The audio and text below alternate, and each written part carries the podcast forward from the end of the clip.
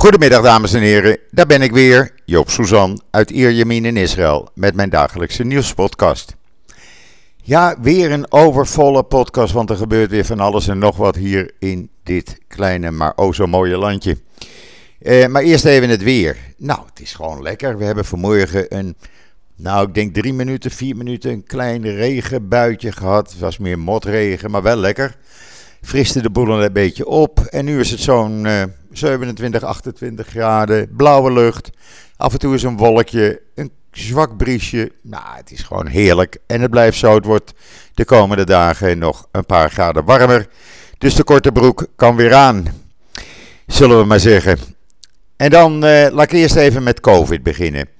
Uh, dat gaat gewoon de goede kant op. we hebben nu nog minder dan 18.000 actieve patiënten.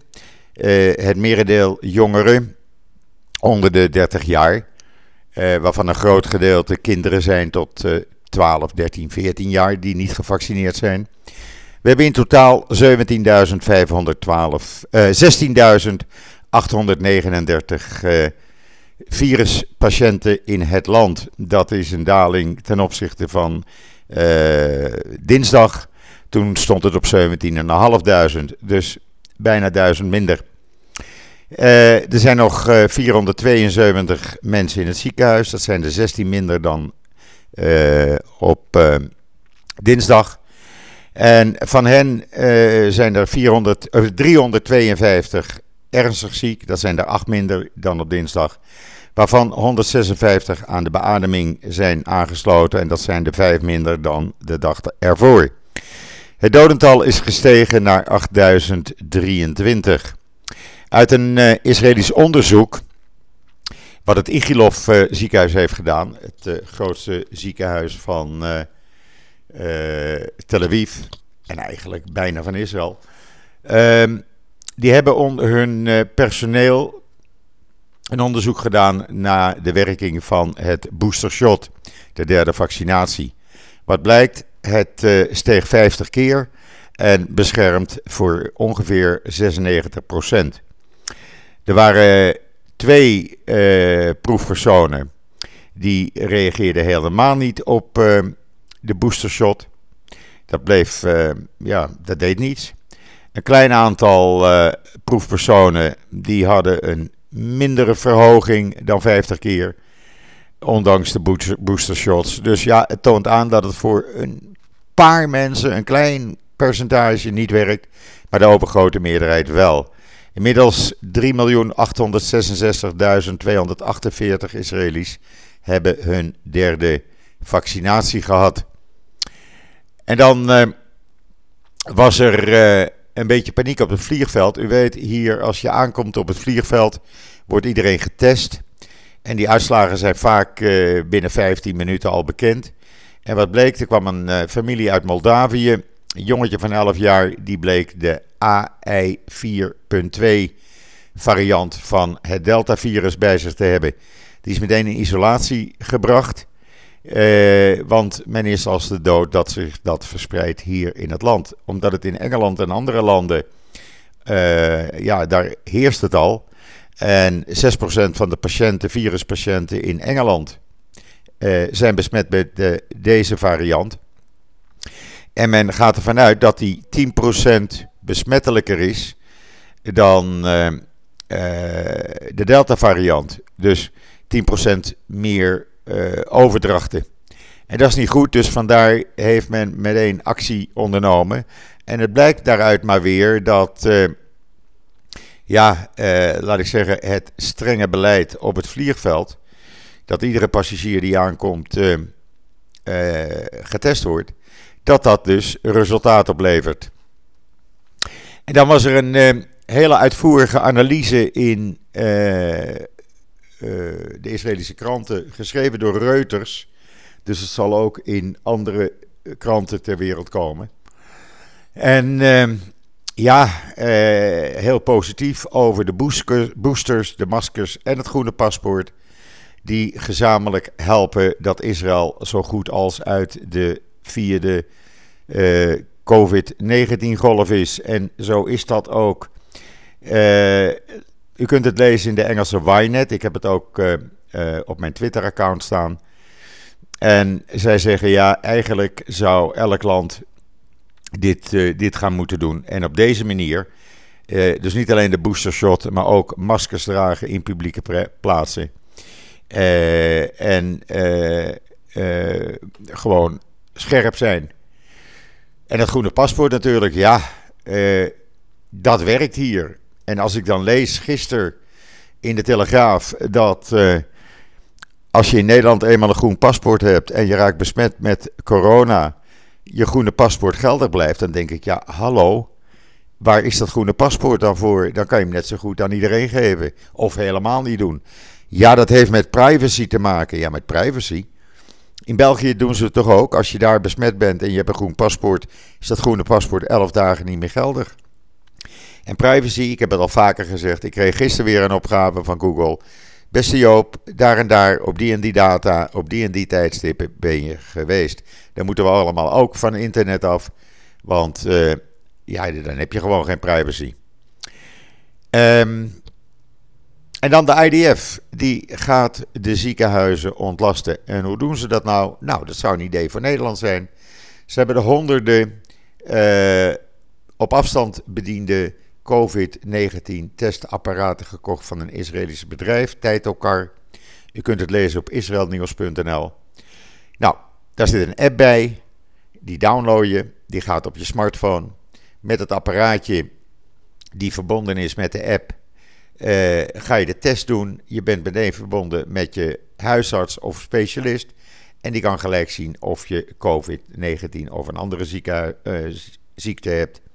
Op die manier, zegt de IDF, kunnen mensen die nu uh, in het ziekenhuis worden behandeld en niet echt ernstig ziek zijn, die kunnen thuis gewoon behandeld worden. En dat ontlast de ziekenhuizen. Nou, hartstikke goed idee. zouden ze in Nederland ook moeten doen, denk ik zomaar. En dan, ja, gisteravond Ajax. Uh, nou ja, die wedstrijd die was natuurlijk uh, uh, fantastisch tegen Borussia. En als je nou de Israëlische verslaggevers hoorde. Ja, die kwamen woorden superlatieve tekort om te zeggen van dit is nou echt voetbal. Dit is topvoetbal. Dit is wereldvoetbal. Dit is zoals het spelletje bedacht is. Wat is dit Ajax fenomenaal? En wat is dit fantastisch om te zien. Nou, ze raakten helemaal in extase, die twee verslaggevers. Nou was het natuurlijk ook een geweldige uh, wedstrijd om te zien. Maar uh, ja, als die uh, zulke twee, laten we zeggen, verslaggevers, die, die echt ja, dat is een beroep, zo in extase raken, dan denk ik van ja, dan gebeurt er ook wel wat. Nou was het natuurlijk fantastisch om te zien. En ik heb moeten zeggen, eerlijk waar, ik heb echt genoten. Maar leuk dat het ja, zo aanslaat, dat voetbal van Ajax. Dat moest ik toch even kwijt aan u. het werd wel een latertje, want hier zitten we natuurlijk met een tijdsverschil. Dus ja, ver na middernacht zakte de adrenaline en ging ik naar bed. En dan eh, komt de minister van Justitie met een wetsvoorstel waarbij een minister-president die aangeklaagd is, of iemand, een Knesset-parlementslid die aangeklaagd is, of beide, geen premier kan worden. Uh, dat slaat natuurlijk op Netanyahu, waar op dit moment een rechtszaak tegen loopt. Die voorlopig ook nog wel even zal duren. En mocht dit wetsvoorstel de komende uh, novembermaand worden goedgekeurd, ja, dan uh, kan Netanyahu zich uh, niet meer verkiesbaar stellen. Hij kan zich wel verkiesbaar stellen, maar hij kan geen premier meer worden. of daar een meerderheid voor is, dat weten we in november. Eerst moet het budget goedgekeurd worden. Dat moet voor 10 november gebeuren. Als dat eenmaal is gebeurd, dan komt deze regering met dit nieuwe wetsvoorstel. Er schijnt een kleine meerderheid voor te zijn. We zullen het zien. Uh, Ayelet Shaked van de partij van uh, Bennett, die is er in ieder geval op tegen. Zij heeft natuurlijk jarenlang geassisteerd aan uh, Netanyahu. Maar de Arabische partijen die zijn weer voorstander. Dus ja, eh, dan heb je grote kans dat het zal worden aangenomen natuurlijk. En dan Israël en de Emiraten. Ja, het klinkt allemaal zo gewoon mensen. Maar het, het, ja, 15 maanden geleden was er nog niks. En nu gaan ze samen eh, naar de maan. Ja, letterlijk en figuurlijk. Want u weet, we hebben de Bereshit maanlander nummer 1 gehad. Dat mislukte tijdens de landing. Er wordt nu gewerkt aan nummer 2, Bereshit. En uh, de Emiraten en Israël gaan dat samen doen. En uh, studenten uit de Emiraten uh, gaan ook Israëlische studenten helpen bij de voorbereidingen van deze missie. En als die missie dan lukt in 2024, dan worden de gezamenlijke vlaggen van Israël en de Verenigde Arabische Emiraten tegelijk op de maan geplant. Nou, dat is toch iets fantastisch. Uh, wat men gaat doen, een, uh, een studie maken voor het bepalen van de precieze tijd van de nieuwe maan. En dat is belangrijk, zowel in de Joodse als islamitische kalender, want die worden namelijk bepaald door de maancyclus. Eh, alle belangrijke feestdagen worden bepaald door de maancyclus. Eh, dus de maankalender, zullen we maar zeggen. Eh, dus het is fantastisch dat dat eh, samen gaat gebeuren. En omdat we nou toch praten over Israël en de Emiraten. Uh, Israël en de Emiraten die uh, gaan gezamenlijk naar een grote conferentie over cyberveiligheid, internetveiligheid, om het maar zo even te zeggen. die binnenkort in New York zal plaatsvinden. Daar zal ook de voormalige Mossad-baas Yossi Cohen zijn uh, chefs van uh, de veiligheidsdiensten van de Emiraten en de CIA. En ja, die gaan gezamenlijk daar uh, de cyber-expertise delen en kijken hoe ze die cybermisdaden tegen kunnen gaan. En zo ziet u maar, er wordt gewerkt gezamenlijk. je hoort daar niet te veel over, maar het gaat allemaal gewoon door. Wat ook gewoon doorgaat, ja, daar keek ik gisteravond even van op. Dat werd op Channel 12 opeens afgespeeld. Allerlei bandopnames en videoopnames. Die waren gemaakt op een Likud uh, uh, Knesset uh, bijeenkomst. En daar bleek uit dat er binnen de Knessetleden van de Likud behoorlijke frustraties zijn. Omdat ze van Netanyahu niet in commissiezitting mochten nemen.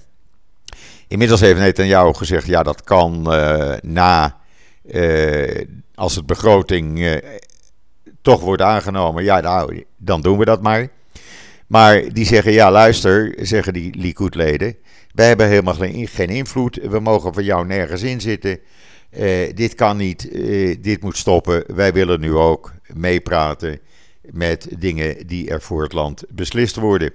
En zo kreeg Netanyahu de wind van voren van een aantal Knessetleden. En dat vond hij niet fijn. Uh, hij bood uh, excuses aan. Ik sla mezelf voor mijn kop over mijn fout van vorige week. Toen was hij niet bij een uh, belangrijke stemming over de, waar het, de wet voor medische marihuana werd aangenomen. ja, als je geen oppositie voert en je bent wel een oppositiepartij, ja, dan haalt het ook niks uit natuurlijk. Maar goed, dat werd gisteravond uitgezonden en het land kon er weer van smullen.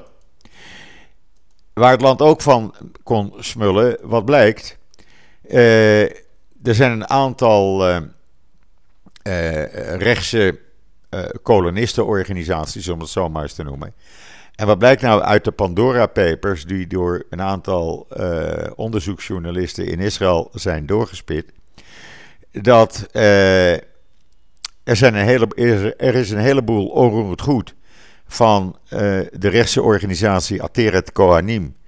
Die, uh, ja, die, die hadden gebruik gemaakt uh, van allerlei belastingtrucs om op de Britse Maagdeneilanden die te registreren. Al dat ook goed in Oost-Jeruzalem. Wat blijkt, ze deden, voldeden niet aan de eisen van de Maagdeneilanden. En nu zijn die is dat ook goed eigenlijk overgenomen door de Maagdeilanden. Die zijn nu eigenaar van een, ja, een aantal panden in Oost-Jeruzalem en van stukken grond in de Oost-Jeruzalemse wijk Silvan. ja, de kolonisten reageerden niet op. Maar het blijkt dat dat niet meer in handen van die kolonisten is, maar dus nu uh, in handen van uh, uh, de Britse Maagdeneilanden. Nou, dat weten we dan ook weer. Wat we ook weer weten is dat er eindelijk een nieuwe ambassadeur voor Amerika in Israël komt. We wisten de naam al. Het is nu officieel. Het is meneer Thomas R. Nides. Die wordt de nieuwe ambassadeur van Amerika in Israël. En daar was er gisteren heel wat te doen om een rechts radiostation. Waarbij de radiopresentator uh, uh, vond dat uh, het dove Knessetlid van de partij van uh, Netanyahu. Nou, dat was maar een dom mens. En het is goed dat ze, niet, dat ze doof is en niet kan praten. Want dan hebben we daar ook weinig last van. Nou, sorry. Als je op die manier met iemand die gehandicapt is en waar je echt alle bewondering voor moet hebben dat ze doorgezet heeft en in de Knesset zit als lid van de partij van uh, Bennett, Yamina, dan zeg ik, uh, meneer de rechtse radiozender, u bent dom en u bent een racist. En dan, uh, ja, het Palestijnse geld is op. Ja, je gelooft het niet, hè? maar ze betalen natuurlijk zoveel salarissen aan die terroristen en hun families. Dat ze komen 800 miljoen dollar tekort dit jaar, zegt uh, de vertegenwoordiger van de Verenigde Naties. Ja, als mevrouw Kager nog gezeten had, dan was dat natuurlijk geen probleem. Dan is dat zo opgelost. Maar mevrouw Kaag is geen uh, minister van Buitenlandse Zaken meer in Nederland. Ja, dus hoe komt de uh, club van Abbas nu aan 800 miljoen. Nou zegt de UN, weet je wat, wereldlanden, uh, dokken jullie nog eventjes. Uh, dan kunnen die ter terroristen salarissen weer betaald worden. Ja, nou, ben benieuwd of meneer Rutte dat inderdaad gaat doen. Als hij dat zou doen, zou dat een grote, grote schande zijn. En dan is er een doorbraak in Israël, want onderzoekers hier in Israël hebben bloedvaten geprint. Ja, echt waar. Het hele verhaal op Israël Nieuws natuurlijk, zou ik zeggen. En uh, het is in Technion gebeurd. Er zit een video bij die u kunt bekijken in het artikel. En het is echt fantastisch. Bloedvaten printen. Uh, bijzonder. En dan, wat ook bijzonder is, de video staat in het artikel van de hele zoektocht. Een scuba diver uit Haifa ontdekte een 900 jaar oud kruisvaarderszwaard onder het zand voor de kust van Karmel. Uh, heel verhaal. Wij kregen het persbericht en uh, de film, de foto's, u kunt het allemaal zien. Hij zag een stukje uit het zand steken, is gaan graven en dat kunt u allemaal zien op die video. En heel bijzonder, en zo zie je maar weer opnieuw een stuk geschiedenis wat uh, ja, boven water, letterlijk en figuurlijk boven water is gekomen. En dan, ik had het al op Twitter gezet, uh, het NIW kwam net met het bericht dat er een Joods monument in Hardenberg in de wijk, in het voormalig Joods werkkamp Molengoot, uh, is vernield. Dan denk ik, stelletje, nou ja, laat ik het woord maar niet zeggen, het eindigt op zakken. Uh, kunnen jullie nou niet met je handen van een Joods monument afblijven. Moet dat nou zo nodig vernield worden? Kransen vernield, bloemstokstukken uh, weggegooid. Er was een herdenking geweest. Mensen hebben staan huilen. En ja, sorry. Dan wordt dat vernield door een stel. Nou, laat ik, ze, laat ik het maar niet zeggen. Maar u weet wat ik bedoel. Als ik ze in handen zou krijgen, nou, echt. Ik weet wat te doen. Ik hoop dat ze ook gepakt worden. En dan kunnen we naam en foto en adres gaan we publiceren. Ik hoop dat het kan. Want er moet maar eens een einde aan komen. Waar ook een einde aan komt is het feit dat er nu uh, kosher food en ook halalfood eindelijk in het Britse parlement uh, verkrijgbaar is. Er werken 11.000 mensen, er zijn honderden Joden en moslims onder hen. En het wordt nou eens een keer tijd. Uh, in 2020 was het al goedgekeurd, maar toen kwam COVID. Maar nu heeft men gezegd: oké, uh, het is beschikbaar. En uh, mensen kunnen dus gewoon kosher en halal eten in het Britse parlement. En dan nog even die Duits-Israëlische zanger, waar die eerst had gezegd: ik mocht een hotel niet in vanwege de Davidster die ik draag. Uh, toen kwam er een filmpje van een of andere Duits uh, nieuwszender waaruit zou moeten blijken dat hij geen Davidster droeg. Nou zegt hij, ik droeg hem wel. Uh, het filmpje moet je helemaal zien, dan zie je dat ook. En niet alleen een paar seconden uit die film. Ik blijf bij wat ik zei. En het is zoals het is. En kijken jullie die hele film maar. Nou, we zullen kijken wie er uiteindelijk gelijk krijgt. En dan, ja, hoop ik dat dat snel wordt opgelost. Goed, dat brengt mij tot het einde van deze podcast. 22 minuten. Wat gaat die tijd snel, mensen? Uh, morgen ben ik er uh, weer, maar niet alleen, want dan zit ik weer aan de keukentafel met Esther Voet. En dan gaan we weer een heleboel onderwerpen bespreken, Esther en ik. Dus zit er klaar voor morgenmiddag. Uh, rest mij u nog een hele fijne voortzetting van deze woensdag uh, toe te wensen. Ik ben er morgenmiddag weer samen met Esther Voet en zeg tot ziens, tot morgen.